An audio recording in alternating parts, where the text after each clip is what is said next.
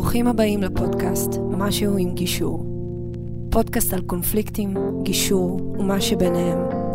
עם המגשרים נדב נשרי, דניאל הרוש וחברים.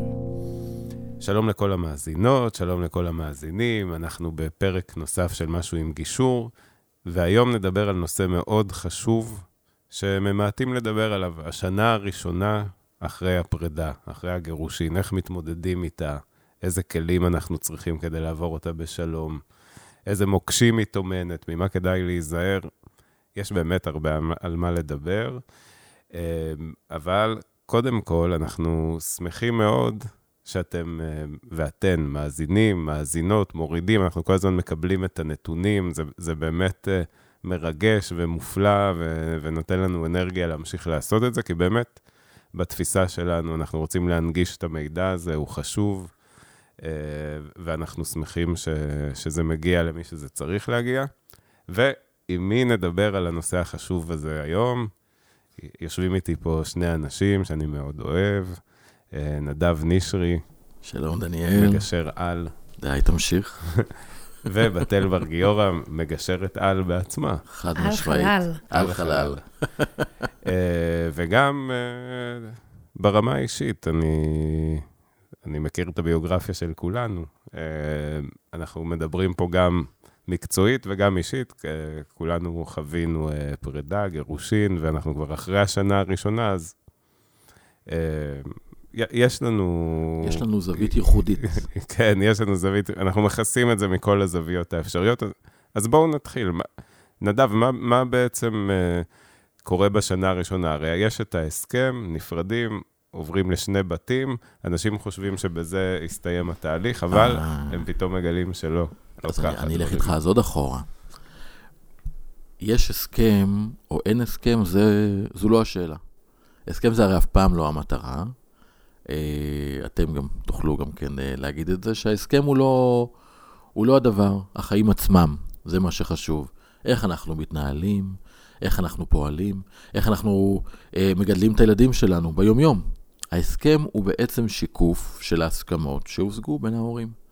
אז אם ההורים מתנהלים ופועלים והכל בסדר, אז הכל בסדר, זה לא ההסכם. הרי ההסכם, אם, אם, אם מישהו יפר אותו, מי, מי יפקח על זה, מי יבדוק את זה? ההורה השני. אז אם שני ההורים לחצו ידיים, מסתכלים אחד לשני בעיניים, אומרים, אנחנו בטוב, אנחנו בשיתוף פעולה. ההסכם הוא רק חתיכת נייר. הפרידה, אבל זה הסיפור. זאת אומרת, מבחינתי, בוא נדבר בפרק הזה על פרידה. כי זה לא גירושין, זה לא הטכני. זה איך אני מתמודד עם אדם שהקמתי איתו בית, אהבתי אותו, אהבתי אותה, ועכשיו... עדיין אוהב. לפעמים עדיין. לפעמים. עדיין. לפעמים, אבל... אהבה אחרת לא, שמשנה את צורתה. לא אהבה זוגית אולי, אבל... אה, מעורב עם הרבה רגשות אחרים. נכון, נכון. נכון. ואיך אני מתמודד עם הקושי הזה, שהאדם הזה הבאתי איתו ילדים, הילדים שלי כאן, חצי מה-DNA שלהם מגיע ממנו, אני מסתכל עליהם, אני רואה אותו, הדיסוננס הזה הוא כל כך מורכב, ואני צריך להיפרד, לא לראות את הילדים שלי כל יום. אה, לדבר איתו עניינית במקום שאני בו פגוע. הקושי הזה, זה הסיפור. והשנה הראשונה לפרידה, שמבחינתי זה מהרגע שדיברנו, שזה עלה על השולחן, שם, שם זה מתחיל, שם שעון החול מתהפך. פה מתחילה שנה שהיא הכי משמעותית בחיים שלנו. ככה אני מסתכל על עצמי. שנה של צמיחה. שנה של צמיחה. ואמונה פנימית חדשה וגדילה מטורפת. נכון. אני קוראת לזה תסמונת הלב השבור. שאתה אתה בעצם נשבר לך הלב, אבל נשבר לך הלב בצורה חדשה. כמו שתיארת, אתה עדיין רואה את הבן אדם, אתה רואה את הילדים שחלקם יכולים להיות דומים לאבא או לאימא, ו- ואיך אתה לוקח את זה קדימה. אז... איך אתה בוחר לקחת את זה עוד קדימה? נכון, בדיוק. זו ו- בחירה קשה. וכאן אני יכולה להשתמש במקום שאנחנו מדברים בו בגישור, על לראות את הדרך, לשים לעצמך מטרה ולצעוד בדרך. נכון. אז אחת האמונות שלי היא שאם אתה מחליט, אתה רואה, את, מדמיין את ה vision של יום אחד אנחנו נשב בארוחת חג ביחד, או יום אחד אנחנו נחגוג את היום הולדת ביחד בלי שאני אתפרק בצד. ואתה שם את זה כ, כתמונה מנחה, אז זה פשוט נותן לך את הדרך ללכת. נכון. אני רוצה אבל רגע, אנחנו, התמונה המנחה זה מעולה, אני דווקא רוצה לקחת את זה ליום-יום. הרי כל מי שמתגרש, הוא, הוא שומע מגרושים אחרים על השבתות בלי הילדים, ואיזה כיף, ורואים תמונות בסטוריז, וכולם עפים, ומפתחים שרירים. ו... בסוף, בשבת הראשונה, אני ובתל, אגב, היינו השבוע בגישור, שהאימא ממש העלתה את הסוגיה הזאת, היא אמרה, פתאום סוף שבוע שלם בלי הילדים, אני אמות מזה. ו- ובאמת, כשאתה מגיע לזה... ככה היא אמרה? אני אמות? אה, לא יודע אם אני אמות, או משהו בסגנון הזה. ממש, כן, וואו. היא אמרה משהו קשה, אני לא זוכר את הניסוח המדויק. אוקיי.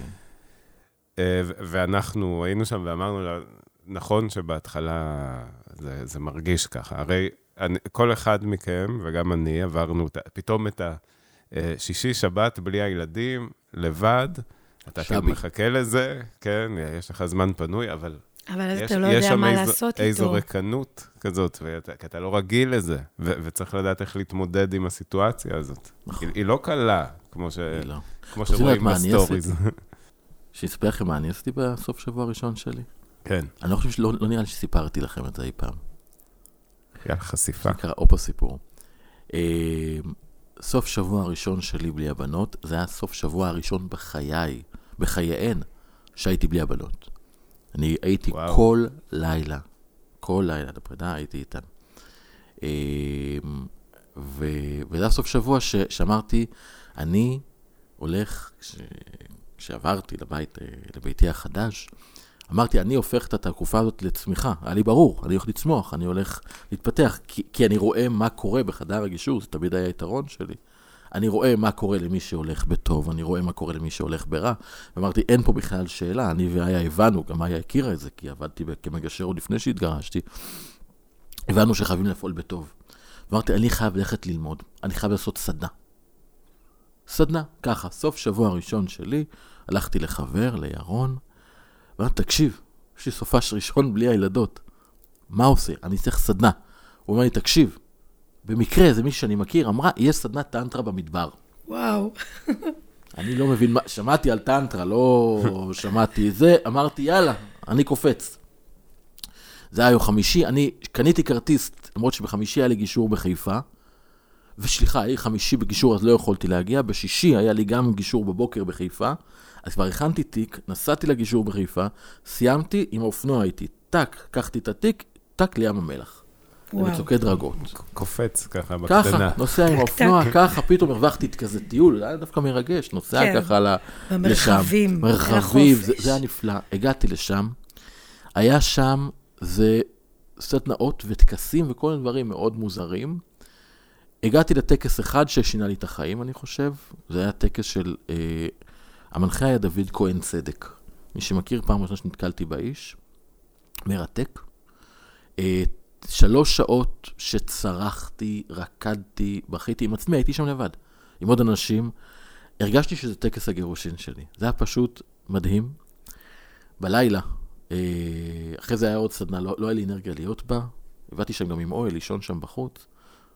בלילה היה שם איזה אה, אש, איזה כזה מעל, מפגש וכזה, הבנתי מה קורה, זה, זה פחות התאים לי, אני מודה.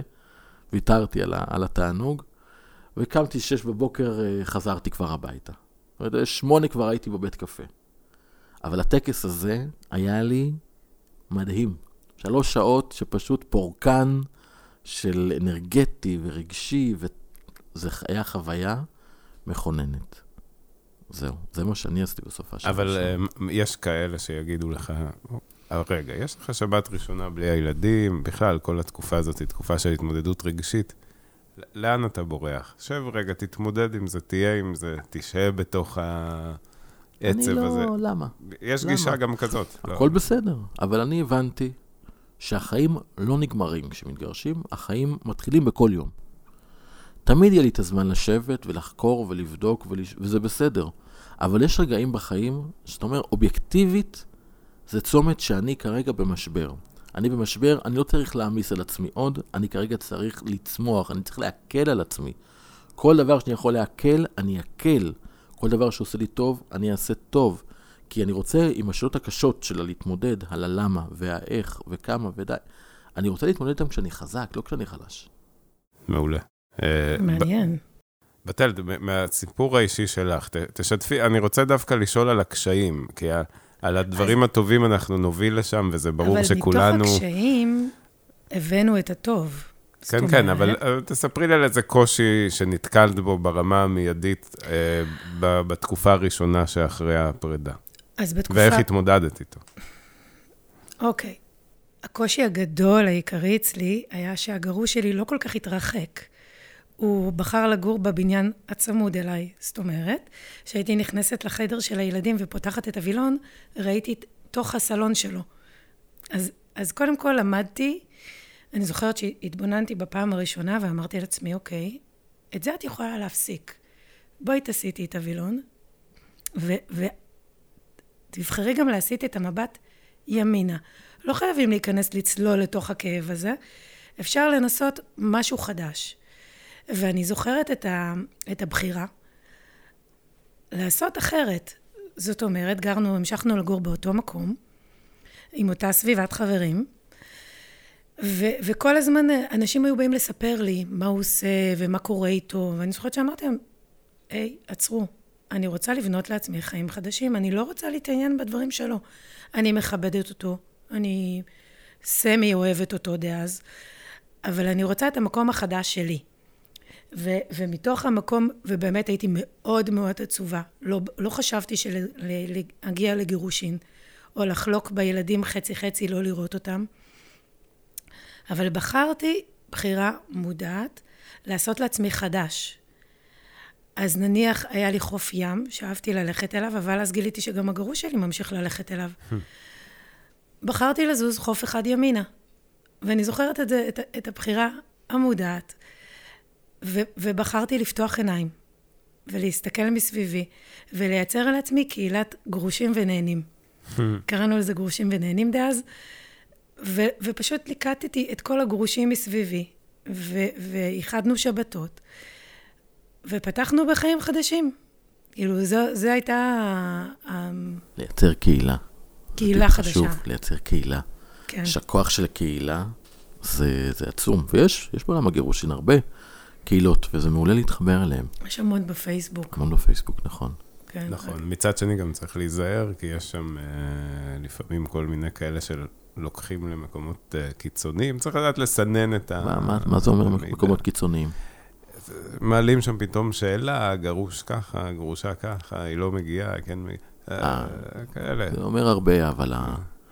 אבל אבל- אין ספק, הקהילה היא כוח בדבר הזה, ו- ומכיוון שיש הרבה אנשים שמתגרשים בימינו, אז הקהילה הזאת היא קהילה גדולה, והיא באמת תומכת, כי אנשים שעברו את זה ויודעים כמה זה, קש, כמה קשה ההתמודדות בשנה הראשונה, עם כל התקווה שיש, אבל נכון. זה כאבי גדילה שהם מאוד קשים, נכון. אין מה לעשות. תמיד הרגשתי שהלב, זה, הלב היה התמלא עם השנים בשכבה של עפר דקה כזאת שתמיד הפריע לו, וכשאתה מתגרש ואתה עובר את המשבר, אז זה נסדק, ואתה פתאום מרגיש שהלב שלך פתאום ככה גדל ומפרק את כל שכבת העפר הזאת. ואז אתה מסתכל ואתה אומר, פתאום אתה מרגיש צעיר, אתה מרגיש חי, אתה נכון. מרגיש שקורה. זה לא קל, זה לא מיד, לא. אבל זה, זה, זה בחירה להסתכל על הדברים כך, בצורה אופטימית. אני חושבת שזה ואז זה קורה. ללמוד לדבר שונה בתוך הראש שלנו. יש לנו כזה סרט משפטים שאנחנו כל הזמן אה, מחזיקים בראש. וברגע שאנחנו מחליטים לתת ל... לדברים שאנחנו רואים מסביב שמות חדשים, שמות מעצימים יותר, אז אנחנו, בתוקף העצמה של, ה... של, ה... של האירועים, אנחנו מעצימים את עצמנו. נכון. אני אנסה רגע לחשוב על דוגמה. אמ, נניח, השבת הראשונה לבד. זה, זה, את יכולה לקרוא אני לבד, אבל לא, זה שבת שאני נותנת זמן לעצמי. כן. זה, אני אבחר לשים, ברמה הכי טיפשית של נשים, אני אבחר לשים קרם גוף. הרבה זמן. אני אפנק את עצמי ואני אזמין אוכל מדהים מדהים מבחוץ, ואני אשים מוזיקה בקולי קולות בבית, כי אני, אף תינוק לא צריך לקום, ואני אקום מתי שבא לי, ויכול להיות שאני אפילו אעשן סיגריה במיטה, כי מי יגיד לי לא? ברמה כזאת. אבל, אבל במקום להגיד לעצמי, אוי, אני בודדה ומסכנה, אני אגיד, לא, זה הזמן של אימא. זה הזמן שלי, זה הזמן, עזבו של אימא, של בת אל, החדשה. ומי זאת בת אל החדשה? זה זמן מדהים, אחרי גירושים בדרך כלל אנשים ממציאים את עצמם מחדש. נכון. אתה מקבל כינויים חדשים. אתה בוחר להציג את עצמך חדש. בן אדם אחר לגמרי. אתה יכול לבחור עכשיו מי, מי, מה זה הזהות הזאת. כי אתה יודע מה זה להיות נשוי, אתה יודע מה זה להיות, מה זה להיות רווק, אבל מה זה להיות גרוש? זה טייטל חדש. מעניין, כן, באמצע החיים אה, לקבל הזדמנות לברוא את עצמך, אה, כן. אבל, אבל אני רוצה להגיד, והעלית את העניין המגדרי, באמת משהו שנתקלתי בו בגישורים לפעמים, שברגע שהם מתחילים באמת לראות את התמונה של חלוקת זמני השהייה, והם מבינים שיהיו ימים שהם יצטרכו להיפרד מהילדים, לפעמים כמה ימים ברצף. כן, ופתאום אה, אני זוכר באחד הגישורים שה... אה, האימא אמרה, אבל, אבל איך הוא יסתדר? הוא לא יודע אפילו להכין ביצת עין, איך, איזה אוכל הוא יכין? והיה דיון שלם ומקסים סביב זה, והוא הרגיע אותה והיא הרגיעה אותו, והם הבינו גם שהם יכולים לתמוך אחד בשנייה. כי היא למשל לא יודעת להתמודד עם דברים אחרים שהוא היה אחראי עליהם. ו, ואני זוכר גם מעצמי שפתאום יש איזה רגע שאתה מבין, ואני מדבר עכשיו על החלק של ההורות דווקא בתוך השנה הראשונה, שזה... אה, זה גם אתגר, אבל זה גם עוגן מאוד גדול. כי, כי בהורות אתה, אתה לא יכול לעגל פינות, אתה, זה עליך. פתאום אתה, יש איזה רגע שאתה מבין שזה עליך. אתה לא מכין את הארוחת ערב, אין ארוחה, אף אחד לא יגבה אותך, אתה, לא, אתה לא עושה כביסה, לא, לא יהיו להם בגדים לבית ספר. זה כזה, ואז פתאום אתה אומר, רגע, יש הרבה דברים שהתרגלתי בחלוקה, שאני בכלל לא, אין לי קשב אליהם, או שאין לי תשומת לב אליהם. ו, וברגע שאתה מצליח לסדר לעצמך את הדבר הזה, והנוכחות ההורית שלך היא, היא, היא, היא מן הסתם ומטבע הדברים, היא, היא גדלה משמעותית, כי כשאתה נמצא, זה, זה רק אתה. יש בזה משהו כל כך מעצים, בזה שאתה פתאום מצליח להחזיק את זה. אתה מרגיש שאתה מחזיק את זה, אתה מצליח לעשות דברים שעד היום לא עשית. כאילו, ובסדר, ולתקתק את הדברים. ואני יכול להגיד על עצמי, שבתקופות שהיו לי מאוד קשות רגשית, אה, עם כל הפרידה, וזה נפל לי גם על, ה, על, הקורונה, לא היה לאן לברוח, לא היה סדנאות, לא היה שום דבר, הכל היה סגור, כולם היו בבית, כאילו הייתי כלוא בתוך המחשבות של עצמי. אבל כשהבנות באו, אמרתי, אה, לפחות זה אני חייב, כי גם הן עוברות משבר עכשיו, ולהן אין מי ש... אני צריך להיות שם. אז, אז השתמשתי בזה, גם אם זה היה בהתחלה טכני, וגם אם זאת הייתה הצגה, זה לגמרי היה fake it until you make it. ו- ובסוף זה מה שהוציא אותי מזה. כי אמרתי, אוקיי, אני מצליח לעשות את זה, אני אצליח גם בשאר הדברים. זה... אה, איפה זה... אני לא אוהב את המילה פגש אתכם, אבל אה, נו, נניח להשתמש בה. אני... זה מאוד מרגש אותי, שתדע. אני הייתי שם וראיתי את זה, אז זה באמת... אתה יודע, אני, כשאני מסתכל על הזוגות, אני הרבה פעמים אומר לזוגות ש, שנמצאים בחדר, תחשבו על, ה, על איך אתם בעוד שנה, שאתם בטוב, והילדים שלכם צומחים ובריאים ומאושרים, תדמיינו את זה, ותדעו שזה אתם. הרי אנחנו יודעים, יש כאלה שבוחרים ברע, מכל מיני סיבות, אבל הם בוחרים ופועלים בצורה רעה. והרוע הזה פוגע קודם כל בהם, בילדיהם ובהורה השני. ויש כאלה שבוחרים בטוב להפריד את, ה, את הפרידה מההורות, ואז הילדים שלהם לומדים משבר, ואיך פותרים אותו, שזה דבר מדהים. לכן הילדים האלה הם ילדים שמובילים בכל הפרמטרים. הם יודעים לתקשר, הם יודעים לדבר, הם יודעים להסביר את עצמם, ו- ו- ו- וזו בחירה חינוכית שהורה עושה, וזה הכי מזכיר לי את, אה, את משפט שלמה. זה תמיד, זה, זה הדוגמה, האימא הביולוגית אומרת, אני מוותרת על התינוק שלי, אבל שיחיה. והורים שמתגרשים בטוב ובוחרים בילד שלהם, אומרים, אני כדי שיהיה לו טוב, אני אתמודד עם אדם שמאוד קשה לי איתו, זה בעצם בחירה ב, ב, ב, ב, ב, ב, בילד, ומי שעושה את זה, פתאום מגלה שהוא, שהוא מרוויח עולם שלם, כי יש לו ילד שצמח ממשבר, והוא משת, מסתדר עם ההורה השני. וטוב לו, שזה, אין, אין, אין אין לתאר.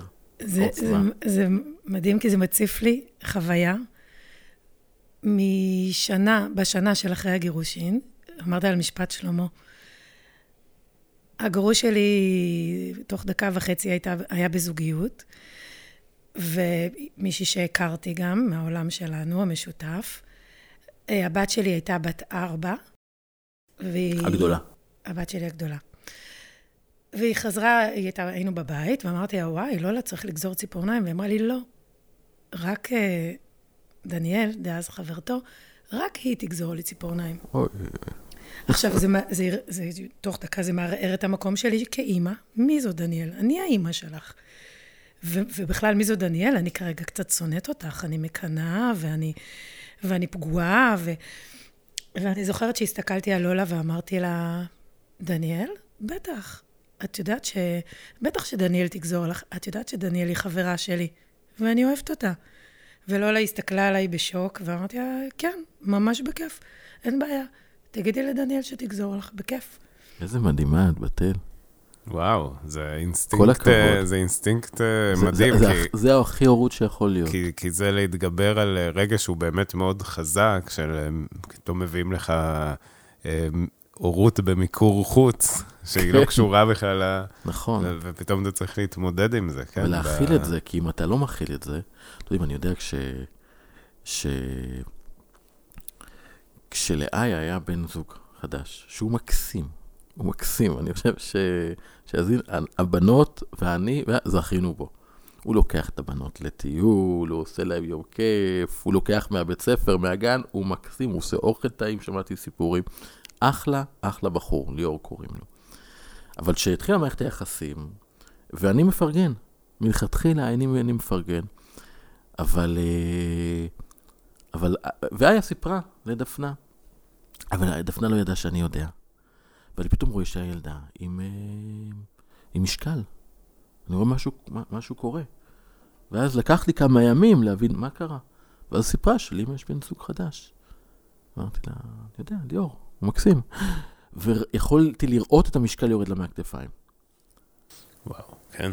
זאת אומרת, הרגעים הקטנים האלה שאנחנו ככה מדברים איתם ומכילים את הבני זוג החדשים, למרות שזה זה ברור שזה מייצר איזה קווץ', זה, זה כן. ברור, בוא, אנחנו לא, אנחנו בני אדם, כולנו. אבל בנקודה הזאת שמרגע, זה נושא גדול. בן זוג חדש זה הנושא, אנחנו מדברים על זה, שם האסימון נופל, שם הילדים מבינים, זה לא דבר שעושים אותו כלאחר יד, זה משמעותי, זה אירוע גדול. אני פה צריך לבחור בילד שלי. ולהגיד לו, הכל בסדר. לנרמל את הסיטואציה, זו המילה לנרמל. לנרמל. כל הזמן אה, לנרמל להם. ואם אנחנו מנרמלים להם, אנחנו גם מנרמלים לעצמנו. כי הכל נורמלי. הכל נורמלי, הכל בסדר. העולם לא באמת נפל. האדמה לא באמת רועדת. האדמה, אנחנו לא באמת נהיה ברחוב, אנחנו באמת נתגבר. זה עניין של זמן ובחירה שלנו. ואנחנו שולטים בגורל שלנו. ומי שמתגרש ומבין את זה שהוא שולט בגורל שלו. והוא שולט במה שהוא אומר, אז הוא מנהל את התהליך. כי הרי תמיד יש כאלה שיגידו, אני מאשים את הצד השני, הוא עושה ככה, הוא עושה. לא, לא. אני בוחר להגיב בדרך מסוימת. וואי, זה ממש מעניין שאתה אומר הוא מנהל, מנהל את התהליך, כי תמיד אנחנו מדברים על התהליך בגישור. ואז עכשיו פתאום אני מבינה שאחרי הגירושים יש תהליך שממשיכים לנהל אותו. אני בוחר איך אני מדבר עם הגרוש שלי. אני בוחר כל הזמן מה המסר שאני אומר לו. נכון. זה נכון, מעניין. ה- ההתחלה, איך שמנהלים את התהליך עד ההסכם, מן הסתם, יש לבחירה הזאת השלכות דרמטיות על איך כן, ייראה אבל- ההמשך. נכון. בתהליך, בתהליך תמיד יש את המגשר איתנו. יש איזה הורה מבוגר ש, שמשגיח כאן על מה שקורה. נכון. ואז יש את היום שאחרי. זהו, אז, אז על זה, קודם כל, לגבי בני זוג, בנות זוג חדשים, אני רוצה שכולם ירשמו לעצמם, צריך להקדיש לזה פרק בפני עצמו, זה, אני אשמח. זה, זה נושא... גם, גם על המילים, אגב, שמה שאנחנו אומרים, כי אני, הדוקטורט שרציתי לעשות בשעתו הרי היה, אני מספרתי לכם על אמנות לחימה, גישור כאמנות לחימה במילים. יש הרבה דברים שאנחנו, איך אנחנו אומרים, כמה אנחנו אומרים, באיזו סיטואציה, תאורה, יום, שעה, מצב שלנו, שמשפיע על, על, על, על איך המסר עובר. וברגע שאני יודע להעביר את המסר בצורה נכונה, אני שולט בסיטואציה. אז זה, זה, זה גם כן פרק נעשה אותו גם כן. אני רוצה לעשות איזה חיבור בין האישי למקצועי. דיברנו עכשיו כל, כל אחד על להביא את החוויות שלו, אה, כזה, ו- וכדי להוריד את זה ל, ל, לרמה של הגישור, אני, אני נגיד, ב, הייתה לי עכשיו איזו פגישת היכרות, ו- והרגשתי איתם בנוח, והם שאלו אותי עליי וזה, ואז אני לא תמיד מספר, אבל סיפרתי להם שאני בעצמי אה, התגרשתי. וזה הפך אותי למגשר הרבה יותר טוב, כי אני, אני מבין כל כך הרבה ניואנסים של האנשים שיושבים מולי, מה הם אומרים, מה הם מנסים לא להגיד, באיזה שלב הם רוצים אולי לדבר לבד, כי לא נעים להם. ואמרתי להם, לא, לא התגרשתי כדי להיות מגשר יותר טוב, אבל ככה יצא. התחלתי לגשר, ואז, ואז זה קרה. אז אני רוצה לשאול אתכם, איך, ה, איך האישי נכנס אליכם לתוך המקצועי בחדר הגישור? כמה אתם משתמשים בזה? כמה, ת, כמה זה הוסיף לכם אה, עומק בתור אה, מגשרים? אני, אה, אני אספר סיפור, אבל הוא לא סיפור שלי. אתה אספר סיפור על מאיה. אני מקווה שנוגה, נוגה לא פה, אז אני מקווה שהיא, שהיא תאפשר לי. מאיה היא הבת הקטנה של נוגה. שנתן לנו דוגמה מה זה לחיות בבית של מגשרים. אה, הם היו בחו"ל, וסבתא של מאיה, אה, אה, הסבא, לא הסבא, הוא סיפר בדיחה שלא הצחיקה, הסבתא קצת נעלבה. מאיה הושיבה אותם לשעה של גישור. היא עשתה, הילדה בת תשע. היא עשתה להם שיחות נפרדות. היא דיברה איתו, אתה צריך להבין שסבתא רגישה ולא ככה. לסבא היא אמרה, אתה צריך, לסבתא, הוא רק צוחק. ילדה בת תשע, עשתה גישור, הוציאה אותם בין וואו, החדרים. מדהים. נוגה עומדת ומסתכלת על זה, וכולה איתה עם... אה, עם. זה שפה שברגע שאתה חי אותה, זה מעגל, אתה מכניס את זה לחדר הגישור. אתה רואה ככל שאנשים עולים בטונים ואתה לומד לרדת, לקבל פרספקטיבה אחרת, זה נכנס פנימה, זה עושה איזו שלווה כזאת, היא מאוד מאוד גדולה בחיים. כי אתה יודע שכל קונפליקט שיבוא, אתה יכול עליו. כל התנגדות שתהיה, אתה יכול עליה. זה נותן כל כך הרבה כוח ותקווה, וזה עובר לילדים, וזה עובר לחיים, וזה עובר לגרושים שלנו, לבני, ל, ל, ל, ל, להורים האחרים של הילדים שלנו. וזה מייצר איזשהו חיים שאני, אני באמת, אני קם כל בוקר, ואני אומר תודה. וזה מתוך מה שקורה בתוך חדר הגישור. אנחנו מקבלים כל כך הרבה מהמקום הזה. כל כך הרבה. ו... אבל השאלה היא בעצם, ואנחנו חותרים פה לסיום, אה, וגם בתל תענה, אה, אתה גישרת גם לפני שנפרדת, נכון. ואחרי, מה היה, האם חשת באיזה שינוי? האם זה הוסיף לך עוד איזה אה. רובד של, שלא היה לפני? תראה, הספר הראשון שלי, להתגרש בשלום, כתבתי לפני שהתגרשתי. הוא בעצם מדריך למה גישור יותר טוב מעולם עריכת הדין, עולם המשפט. הוא מאוד פרקטי. את הספר השני, את שותפות חדשה, כתבתי מתוך הניסיון שלי. של איך בעצם, זה כמו שאנחנו מדברים, על לבחור בטוב, להשתמש במשבר כ, כ, כמקפצה.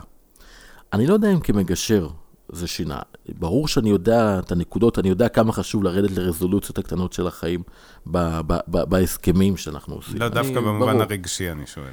במקום הרגשי, כמגשר, איפה זה, איפה זה שיפר לי או שינה לי? אם, אם זה שינה, יכול להיות שזה לא שינה. אני חושב מעניין. ש... ש... אני לא יודע אם בתוך התהליך זה, זה שינה משהו, כי אני כל הזמן מגשר תהליכי. אני לא כן. ב... אני כל הזמן מנהל את השיח ביניהם ונותן להם את המקום שלהם, לא, לא שלי. לי, ההתעמקות בכלי הזה, בשפה הזו, הפכה לי את החיים ב, להרבה יותר טובים בכל כך הרבה רבדים. אבל בחדר הגישור תמיד זכרתי, אה, מתוך הפחד שלי שלא, שלא להגיד שטויות, שלא לנתב חיים של אנשים למקום של... שאני לא, לא, אין לי זכות בכלל למקום הזה, אז תמיד הורדתי את עצמי. תמיד אני, אני מאוד מאוד מצומצם בחדר הזה. אז בעצם הג, הגישור השפיע על האופן שבו התגרשת, אבל הגירושין לא השפיע על הגישור. חד משמעית. זה... אה, לא, זה אני והיה ידענו, אם מתגרשים רע, אוי ואבוי, ראינו את התוצאות, אוי ואבוי. כן, כן.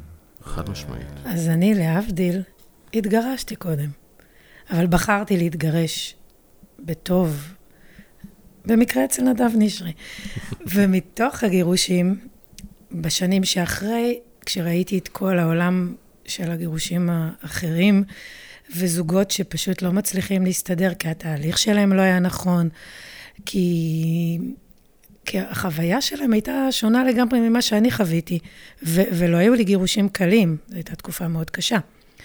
ומתוך זה בחרתי להיכנס לעולם הגישור, מתוך המקום של, נגדיר את זה, להציל, לתת לאנשים להבין כן. שאפשר אחרת. ובתוך הגישור עצמו, אני לא חושבת שאני כל כך מכניסה אותי, אני, לא, אני מנסה שלא, כדי שהם יחליטו בעצמם מה שטוב להם, אבל אני יכולה לגעת בניואנסים הקטנים שבגלל שאני גרושה, ובגלל שעברתי את זה, ובגלל שאני יודעת שבסוף יהיה טוב, אם תבחרו שיהיה טוב. אז את, תוך, את כל התוכן הזה אני כן מכניסה לתוך הגישור. אבל באמת בניואנסים מאוד עדינים וקטנים, אבל... כן, אני חושב שזה בסוף עובר, אה, כלומר, כשאנחנו אומרים לאנשים, תסתכלו קדימה, יהיה טוב, זה נותן לזה איזשהו אה, מימד של... נראה לי שזה משפט סיכום. של אמינות, אבל כך או כך, גם אם לא היינו בתוך זה, לשם אנחנו מכוונים, וזה מה שאנחנו עושים. אה, ובזה נסיים את הפרק, שבאמת היה... קודם כל, תודה ששיתפתם בדברים אה, כל כך כן, אישיים. לא, לא תכננתי את זה, לא, זה לא מובן, אבל ככה יוצא, בסדר, אנחנו יוצא. בני אדם, ובסוף אה, זה מה שעובר. כן. אני... אנשים מתקשרים לקבוע גישורים, ואומרים, אנחנו הצענו לכל הפרקים וזה, והסיפורים, הם כבר מגיעים כשהם מכירים אותנו וזה. איזה כיף זה. כן. באמת. אז, אז כן. אני, אני גם פונה למי שמאזינה ומאזין, אתם מכירים אנשים ש, שצריכים את המידע הזה, תעבירו הלאה, אה, תשאלו שאלות, תפנו אלינו, אנחנו מאוד נגישים, אנחנו בכל מקום, תגידו את השמות שלנו בגוגל, בפייסבוק. בטיקטוק. בטיקטוק נעשה גם. אה, יהיה גם כן? טיקטוק, אוקיי. הכל, הכל. זה לא מתכוונת לפתוח לנו טיקטוק. זה לא קרה אתמול בלילה, אבל זה יקרה. איזה אלופה. אוקיי, בסדר. בקיצור, אנחנו באמת בכל מקום, ותכף נגיע גם לטיקטוק, אני מסתבר, מעולה, אז, אז חפשו אותנו, תשאלו, תפנו, הטלפונים שלנו נכון. מפורסמים בכל מקום. ורעיונות, שאלות שאנשים רוצים לשאול, לומר, אז אנחנו כאן, אנחנו נשמח לדבר ולענות. וזהו, אני סיימתי. וזהו, נתראה בפרק הבא. נתראה בפרק הבא. להתראות. להתראות. להשתמע.